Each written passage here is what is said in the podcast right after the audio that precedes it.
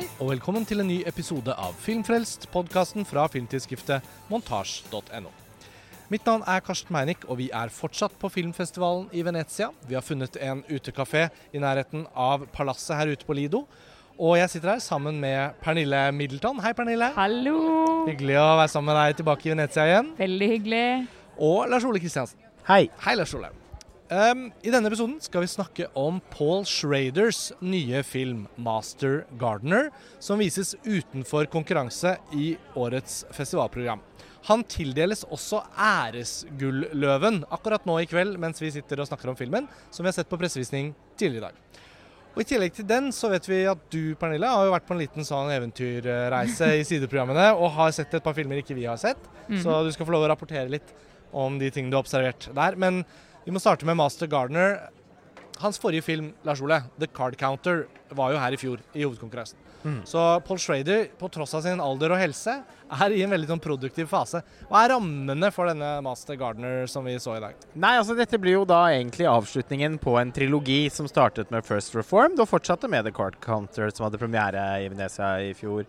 Og tema temaet om liksom synsforlatelse er uh, intakt, men nå plassert i en enda mer overraskende setting, da. Man kan jo si at i First Reform så slektet jo Schrader på særlig Bergman og nattverdsgjestene. Mm. Så kirkerommet var jo et naturlig utgangspunkt for en sånn selvransakelse. Og det ga seg naturlige sånne bifigurer i dette samfunnet rundt denne kirken. Og han eh, Ethan Hawks rollefigurs bekledning og veldig mye sånn kom ut av miljøet, da. Og det var jo også tilfellet i The Card Counter, der Oscar Isaac sin rollefigur fikk litt sånn renset sjelen ved å delta i ritualer tilknyttet pokerspill. Ja. på litt sånn intetsigende ikke-steder. Eh, den var jo forbløffende nok ikke Altså, den utspilte seg ikke i Las Vegas. Mm. Så sånn sett så kan man jo si at Schrader eh, bød på et slags overraskelsesmoment med tanke på hva slags locations han valgte å, uh, å bruke. Men i Master Gardener så så er vi i en eh, park. ja, eller i en hage, Et hageanlegg. kan vi si. Ja. Ja. Så det er jo vi får, Pernille, altså vi får hjelpe Lars Ole her litt med å sette ord på um, miljøet. Det er jo lett å humre litt i skjegget Ja. uh, ved uh, det litt banalt enkle, og ikke på så god måte, som utgjør rammene her. Eh, Ja. Hageanlegg. eh, Hageanlegg. Vi er vel utenfor New Orleans et sted. Ja, jeg ble liksom ikke helt klar over nøyaktig hvor det er, men det er tydelig at vi er ute på en eh, avsideliggende, veldig eksklusiv eh, botanisk hage, som er sånn privateid. En av 300 i landet er de veldig stolte av. Sånn. Eid av Sigourney Weaver, som er sånn veldig rik dame. Mm. Jeg tror hun har arvet det fra familien sin, eller liksom det er en sånn rik slekt. Og da har vi da the leading man i denne er Joel Edgerton, som da er hennes master gardener, som eh, får sin sånn eh, renselse gjennom å lukte på jord og plante frø og klippe rosebusker, lære bort om botanikk. Ja. Ja, for til å begynne med så blir vi jo på en måte litt sånn innført i botanikkens eh, gleder og eh, hva slags forskjellige typer hager man kan eh, velge å dyrke fram. Man snakker om franske hager, britiske hager, japanske hager. Jeg har faktisk sett en del hageprogrammer på TV i løpet av pandemien. Fra svenske Mandelmannens gård til en sånn britisk serie som har gått på NRK med en veldig karismatisk programleder, og som ofte utspiller seg i Japan. og jeg har, har jo da også vært og besøkt både Mandelmanns og eh, en rekke fantastiske hager i Japan. Så når jeg da valgte å omtale dette som en park i stad, så ga det inntrykk av at jeg er mindre innsatt i dette enn jeg faktisk er. Og nettopp derfor var egentlig premisset for, denne filmen i utgangspunktet forlokkende, Mm. eh, syntes jeg. Jeg syns til og med at uh, filmen i løpet av sine første minutter egentlig er, uh, er leverer på det. da, at Selv om vi lo litt av at det er litt sånn banalt og enkelt. Så det handler jo litt om at Særlig for de av dere som da har sett First Reformed og The Card Counter, som vi alle har, og, og som Master Gardner nå utgjør da den siste delen av en trilogi sammen med, så er det noe ganske sånn lavbudsjettert og enkelt og korthogd over hele prosjektet til Schrader. Jeg tror det er også derfor han har så mye frihet som filmskaper i disse filmene. At det er på en måte veldig lav risiko rent økonomisk. Men det får jo noen konsekvenser, og da blir det jo litt sånn at i Card Counter, fordi rollefiguren har en motivasjon for å ikke oppsøke Las Vegas, så blir det også på en måte logikk i historien. At han er på sånne ubestemmelige ubetydelige kasinoer som du kan på en måte gjenskape i det billigste filmstudioet et eller annet sted. Og her er det jo da ikke sånn at Master Gardener utspiller seg i den mest utbroderte barokke hagen i Philadelphia, eller hvor det, er det henvises til en sånn utrolig første hage. da. Um, I veldig mye av eksposisjonen her så får vi bare vite masse om hagedrift. Men jeg, jeg, likte de minuttene. Jeg likte det å bli tatt inn i det. Og det er noe jeg generelt liker når filmer helt tydelig gir rollefigurene sine yrker. Og at det er liksom satt OK, her er det et miljø. Det er dette det skal være. Og filmen handler om noe annet, men fordi den er satt her, så skal vi ta, ta i bruk all den kunnskapen som rollefiguren er i besittelse av. Og i plottet så inviterer jo da Sigourney Weaver en um, utstøtt slektning, liksom sin nieses datter, til å komme og, og, og være, bli lærling da, i hagetruppen til Joel Edgerton. Og dermed er det jo også en sånn lærer-elev-relasjon som også gir dem enda flere årsaker til å lire av seg ulike ting. Og det, det snakkes om hvorfor blomstene får latinske navn. og ja, det går mange sånne runder. Men så etter noen minutter med det, så er det klart man begynner å tenke ja, hva skal egentlig denne filmen handle om? Ja, fordi Når de sier at uh, ja, dette fremstår liksom som et litt sånn enkelt utgangspunkt, så er det kanskje egentlig vanskelig å forstå hva du mener med det. fordi det er jo ikke nødvendigvis så enkelt uh, fordi at det utspiller seg i, i et sånt hageanlegg. Men uh, de første scenene i filmen er liksom samtaler mellom Joel Edgerton og Sigourney Weaver på forskjellige benker. og jeg må innrømme at jeg begynte å kjenne på en viss sånn følelse av pandemifilm ja. da vi kom til sånn benk nummer tre. Ja. Da kjente jeg tresmaken. Selv om det i utgangspunktet var litt spennende å høre på hva de snakket om. Nettopp fordi, som du påpeker, Karsten, at det er en film der vi får møte mennesker som er dedikerte og interessert i noe, og som på en, på en måte helt sånn helt naturlig deler erfaringer og, og diskuterer det fagområdet. Ja. Jeg syns det den vakreste scenen i den sekvensen er når de lukter på den jorden. Mm. Der er filmen veldig nært på å få utbytte for det i denne åpningen. Og jeg, og, jeg, likte det jo egentlig litt, men jeg syns også det var sånn Jeg var på nippet til å begynne å tenke det kan jo ikke bare, uh, det kan ikke bare være dette. Det kan ikke bare være en naturfagstime på en måte, selv om det også var veldig koselig da, i morgentimen her i Venezia. Men uh, jeg er ganske enig i det at i utgangspunktet så trigger det en interesse med det her med botanikken. Og jeg har selv litt sånn amatørgrønne fingre og syns det er litt gøy og kan gjerne lære mer om det. Men akkurat som du sier, da, at det er gøy med at det er, det, det, er en, det er, en, gruppe mennesker her som dyrker faget og er veldig opptatt av det. Og de snakker om at de skal lage en sånn stor event, et stort event om planter og vekst. Mm. Hvor det skal også være en sånn auksjon ja. hvor de skal selge av gårde sånn ekstremt dyre orkideer.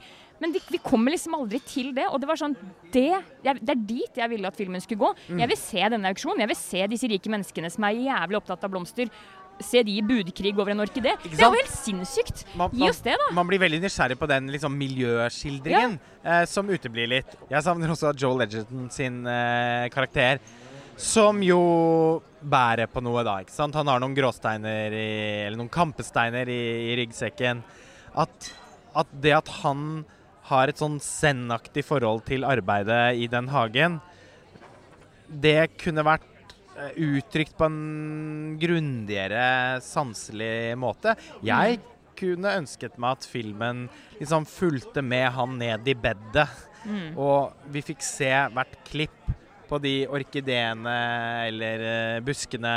Uh, at vi fikk, fikk, være med på at han sådde frø, hjalp et tre med å, som har falmet litt, med å eh, komme tilbake. Kanskje vi senere i filmen returnerte til, eh, til det treet for å se at eh, hadde utsprunget blader igjen. Altså, fordi Schrader med sitt enorme talent da, kan jo evne å benytte den slags motiver til å egentlig skape en litt original dramaturgi i en film som på papiret, i alle fall når man har sett den ferdig, har et litt flatt utgangspunkt. Så når selve settingen egentlig bare er der for å kunne gjøre den konvensjonelle og forutsigbare fortellingen litt mer spennende, så eh, slår ikke det ut i full blomst, bokstavelig talt. Nei, og ja, det, det som typisk savnes i filmen, bare for å ta et eksempel, da, er da for de som husker eh, Spike Jones' Adaptation. Når den filmen etter hvert som den er ferdig med å være en metafilm om en manusfatter bare, også går full orkidé, og, og Chris Cooper og, og Meryl Streeps historielinjer møtes i noen sånne utrolig nærbilder av orkideer, og, og, det hentes ut noe sniffbart pulver. Og, altså det er veldig sånn sanselige, florale skildringer. Det, er jo denne filmen. Alt ligger til rette for at den skal gjøre det. Og i åpningen så er det jo også et timelapse-bilder, nærbilder av blomster, som, som, som, åpner seg mens vi ser fortekstene komme, written and directed by Paul Schrader. Så det er liksom sånn, det loves noe. Ja. Når det er sagt, så har jo vi småsnakket om filmen før i dag. Og jeg tror jeg endte opp med å konkludere med at jeg likte den et godt hakk bedre enn dere. Dette var en film som jeg følte meg veldig sånn medhårs med. Jeg, jeg, kjente jeg satt i setet etter hvert som den skred frem og skjønte at den var Lill. Den var ikke First Reformed, og den var ikke The Card Counter. Men jeg hadde en eller annen litt sånn ubestemmelig glede av den som gjorde at jeg hadde en ganske god filmopplevelse gjennom hele. Og på tross av den svakheter så vil jeg trekke fram at jeg syns den lyktes godt i den sentrale metaforen, da. Og den er også litt banal. Men det snakkes på et tidspunkt om at et frø til en blomst Man lurte lenge på hvor lenge har Hvor lang holdbarhet har et frø? Kanskje et par hundre år. Mm. Og Så viser nyere forskning at jo, så finner man frø under en isbre, og så kan det blomstre en lotus selv om den har ligget der i, i 2000 år, liksom. Og det er jo noe med den mørke fortiden eh, til flere av karakterene som inviterer oss til å tenke hvor lenge varer en idé? Hvor lenge varer frøet som sås for hat? Og, så videre. og han spør eh, den unge jenta som etter hvert blir uh, den andre sentrale rollefiguren, at uh, faren din, hvor kom han fra, liksom? Fordi han har et afrikansk navn.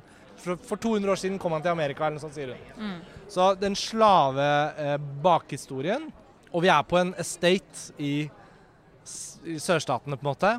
Og Sigourney Weaver, som er en pappfigur i filmen, må sies er ikke den beste rollefiguren i filmen. Alle scener med henne er de dårligste. Det ligger noe sånn kolonial, hvit privilegiumaktig greie i hennes rollefigur.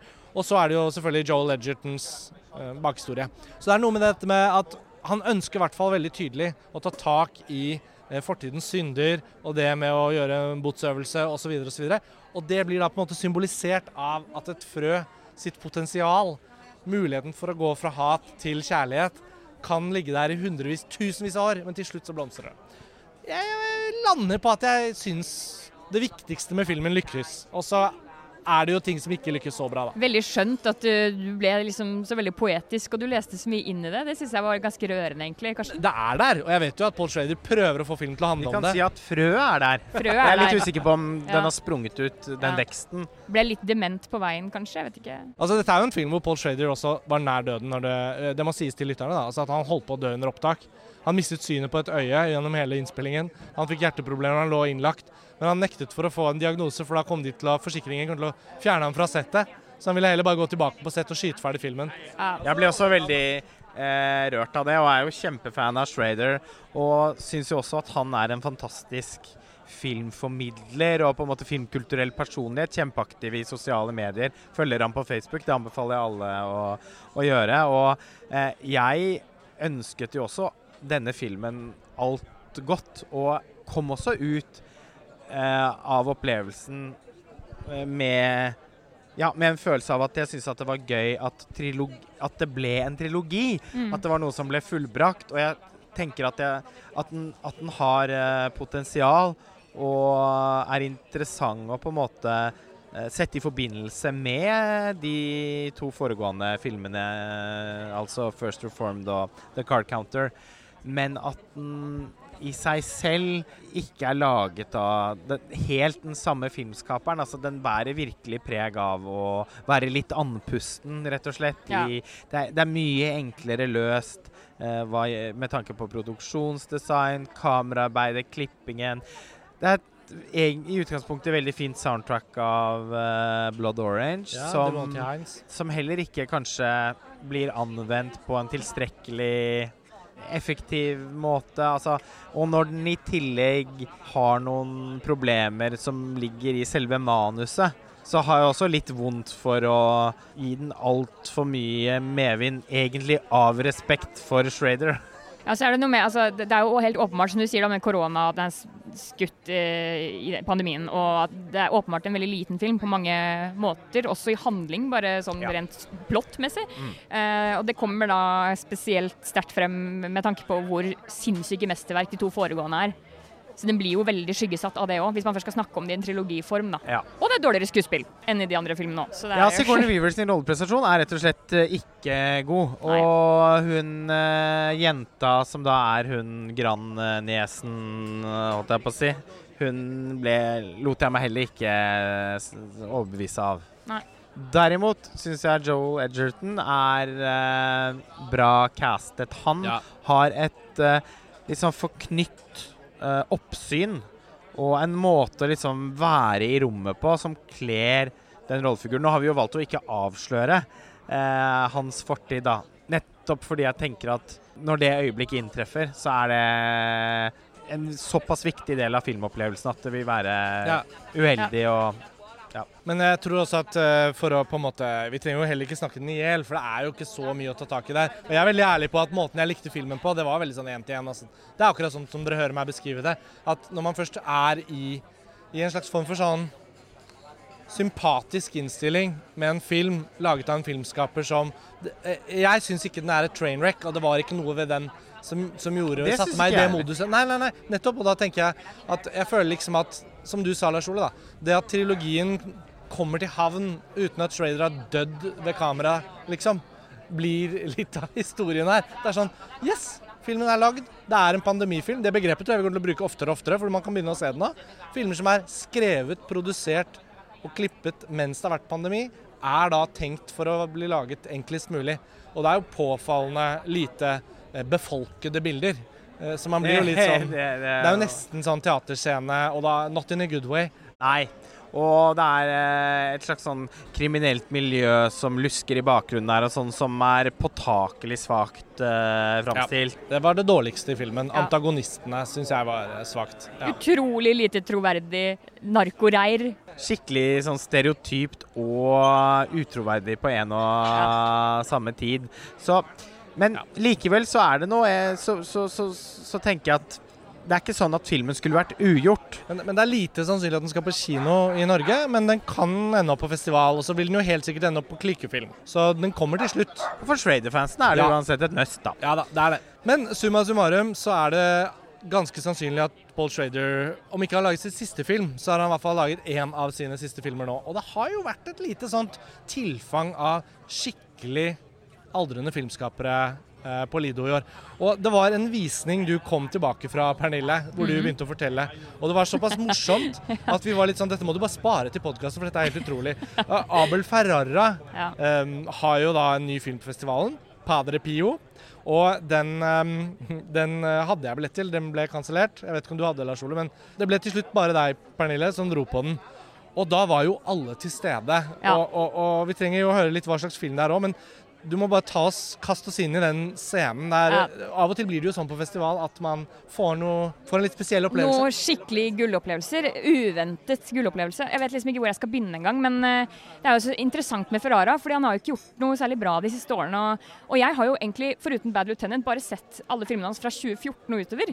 er Men likevel så er jeg sånn Å, Abel Ferrara, den vil jeg på. Og så har jeg bare sett liksom de dårlige filmene, men likevel så er det noe med han som jeg syns. Ja, for jeg Ja. syns han er fascinerende òg. Og så er han jo alltid til stede og har jo liksom karismatisk lynne og jeg går rundt som en gammel krok. Han ser jo 30 år eldre ut enn det han egentlig er. Ja, Han er jo faktisk bare 71, Ja, men det er ser ut som han er 90. Det er Ser ut som- 105. Og innskutt setning, altså eh, Lytterne våre som har fulgt med en stund, har jo hørt Lars Ola og meg nærmest sånn i overdrevent positiv grad. Jeg står ved det, da, selvfølgelig, Ja, men vi har jo hatt en episode for noen år siden fra Berlinalen hvor vi så Tomaso og Siberia. Filmer kanskje ikke så mange liker like godt som vi gjorde, men det har vært noe med Tabel Ferraras liksom, produksjon. Og i mellomtiden har han jo laget enda en film med Ethan Hawke, Ja, som har kommet jo- rett på Blu-ray. Ja, ja, som vi har begge har kjøpt. Eh, vi Ja, ja. kjøpte på Ja, ja, ja. I Los Angeles ja, ja. eh, da vi var der i våres. Og Ferrara er jo i Venezia nesten hvert eneste år Ja, med noe nytt. Han hadde to nye filmer her i 2020, midt under pandemien. Og han har jo flyttet til Italia, så han bor i Roma, i likhet med Willem Defoe, som jo er hans eh, nærmeste venn, eh, får man inntrykk av, og nabo. og, men han er vel ikke med i Padre Pio? Nei, han er ikke med i Padre Pio. Jeg visste ikke hva dette var i det hele tatt. Jeg bare tenkte sånn Å, Ferrara, jeg må ta en billett til den, så se hva som skjer. Og så var det jo i denne Sala Perla hvor ofte skuespillerne kommer, og, for det er i den Giornati-seksjonen hvor de er til stede og sånt. Og han hadde med seg virkelig alle. Altså Vi snakker alt fra fotograf, alle birollene, skuespillerne. Altså Halve salen var ikke rart dere ikke fikk billett, fordi halve salen var cast and crew. Ja, altså jeg skulle på en film Og det var etter deg, og du kom der. ut, Ja. og du pekte ut fire fransiskanermunker i full munkebekledning i, i lobbyen uh, utenfor Perla, Yes. og kunne påpeke til meg at jo, de er også med i filmen. Yes, For som dere sikkert skjønner på tittelen, så er dette veldig religiøst. Og Padre Pio! Ja, det er en periodefilm. Du må, ja, Ja. du må fortelle litt om historien og sånn. Filmen er egentlig veldig uinteressant i seg selv, da. Dessverre. Det er visningen som er det gøye her. Men uh, filmen Dette er ikke en anbefaling. Nei, det er ikke en anbefaling. Det kan du si med en gang. Men veldig kort fortalt så handler det om uh, Padre Pio, Uh, som viser seg å være en sann figur. Eh, jeg visste ikke så veldig mye om den historien, men eh, vi er nå i eh, etter første verdenskrig i en eller annen sånn liten fjellandsby i Italia. Og de skal ha sitt første demokratiske valg. Det er liksom sånn, det er veldig big deal. da. Skal det bli liksom, blir det den ene eller andre siden. Og det er jo masse, masse politisk eh, oppgjør, og folk blir drept, og mye sorg og ja. Midt i denne elendigheten så ankommer det en ny Munch som eh, spilles av Hæ? Er det, hvem er det jeg ser komme inn i salen? Å ja, det er Shaya LeBuff. Som spiller da Padre Pio. Som da også gjør at filmen vil jo ikke funke på italiensk. Så alle er sånn gebrokken engelsk, bare fordi Shaya kan jo ikke italiensk. Så alle er sånn You come to my village and get out of here. Og det blir jo bare så jævlig Filmen er satt i Italia, Ja. men alle ender opp med å snakke engelsk Alle snakker engelsk. fordi Shia LaBeouf spiller Og noen er sånn dubbet, hvor du ser at de er filmet og de prater italiensk, men så er de dubbet med engelsk, sånn Argento-style, liksom. Uh, filmen er veldig dårlig. Uh, så også at uh, jeg var ikke den eneste som tenkte det. det var, Bøssen var noe jevn på Twitter, at dette var helt jævlig. Men de som sto bak filmen, er veldig fornøyd. Når, når, når rulleteksten kom, og applausen startet, fordi det måtte man jo, det var jo, alle var jo der, så ser jeg, snur jeg meg, så ser jeg rett på Shia LaBeouf som sitter og hikster. Han er så rørt av eh, hva jeg Altså vil tro, sin egen prestasjon. Ja. er Det samme med Abel Ferrara. Og de skal ned og ha Q&A etterpå. Og Abel starter med å si sånn I have to try to do this without crying. Og det blir altså så sakral stemning i den salen at jeg var helt sikker på at det skulle ljome inn noe sånn Vangelis-aktig. Det var det eneste som manglet. Det var Ja, ja. Tidenes mest emosjonelle Q&A. Jeg leste jo også at Shia LaBeouf konverterte til katolisismen under innspillingen, og levde da med munker. Method acting? Yes. Og dette skjedde jo i år. Det var i januar i år, liksom. Mye har skjedd. Så synd det ikke materialiserer seg som en film av høy kvalitet. Da. For det er jo ikke sånn at Abel Ferrara ikke er i stand til det. Nei. Jeg vil alltid forsvare f.eks. For Tomaso, en film jeg opplever at kom til et sånt punkt i det den handlet om, i den selvbiografiske liksom, energien i den filmen. Så ble det formessige og det billige Det kom helt i, i, i bakrekken i forhold til det den handlet om. Mens her høres det ut som at hvis han gjør en periodefilm, da må du på en måte levere. Du må levere på hvis, kostymer, du må levere litt på film, du må Kostymen er greit nok, nok, da. liksom- Det er sånn hettegenserskjortel med tau rundt livet. Franciskanerlooken de er ikke så leverer jo på det, da. Så det skal de ha. Men en ting jeg eh, bet meg merke som jeg syns var veldig unødvendig, var hvor stygt foto det var. Og jeg, det er greit nok at han liksom går for digitalt, og, men, men her virket det som at det var rasket sammen så utrolig enkelt. Det var litt sånn, hvis dere skjønner hva jeg mener med sånn Blairwich-hvitt. Oh, jeg Ja, veldig sånn utbrent, dårlig hvitbalanse. For det skal jo Tomasso og. Siberia ha. At de var jo veldig bra fotografert Ja, på veldig lavt budsjett. Ja, ja. I hvert fall Siberia. Siberia så veldig flott ut. For den hadde Ja. jo ikke noe eh, realisme noe sted. Det var jo bare allegorisk. Ja, men liksom, der kan man jo se at Abel Ferrara fortsatt er i stand til Ja. å, å lage utrolig flotte bilder og sekvenser. da. Ja. Eh, men det fikk jeg inntrykk av at det ikke var tilfellet her, da. Nei. Men dette her var eh, kanskje en mindre artsy, kunstnerisk utfoldelse fra hans side. Det var mer en sånn dyp sånn bio, bio, biopic-aktig skildring som tydeligvis betyr veldig mye for han, da. Ja, Det var så utrolig viktig å fortelle Ja, denne historien ja, jo- om Padre Pio. Ja, det er nettopp det. Men jeg så også at han hadde Han er kreditert med noe fra 2015 som heter 'Searching for Padre Pio', eller noe, så han har jo tydeligvis fordypet seg i dette her over tid, da. Ja. Og jeg så jo også i et intervju med Shaya i går at uh, denne filmen reddet livet hans. Og han var så takknemlig, og han sto der og hadde tårer i øynene. Og det var liksom Det var ikke måte på da, hvor dypt dette hadde satt spor. Og tydeligvis også da resultert i religiøs konvertering.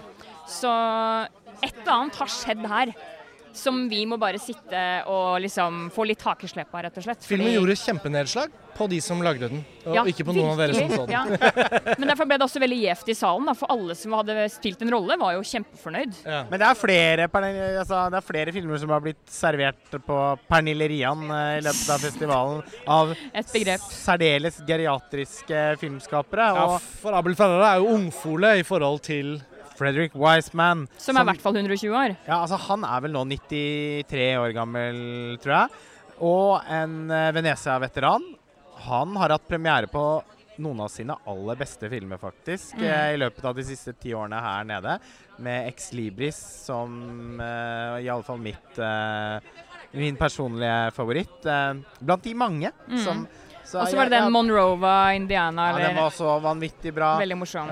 City Hall. City Hall, mm. In Jackson Heights.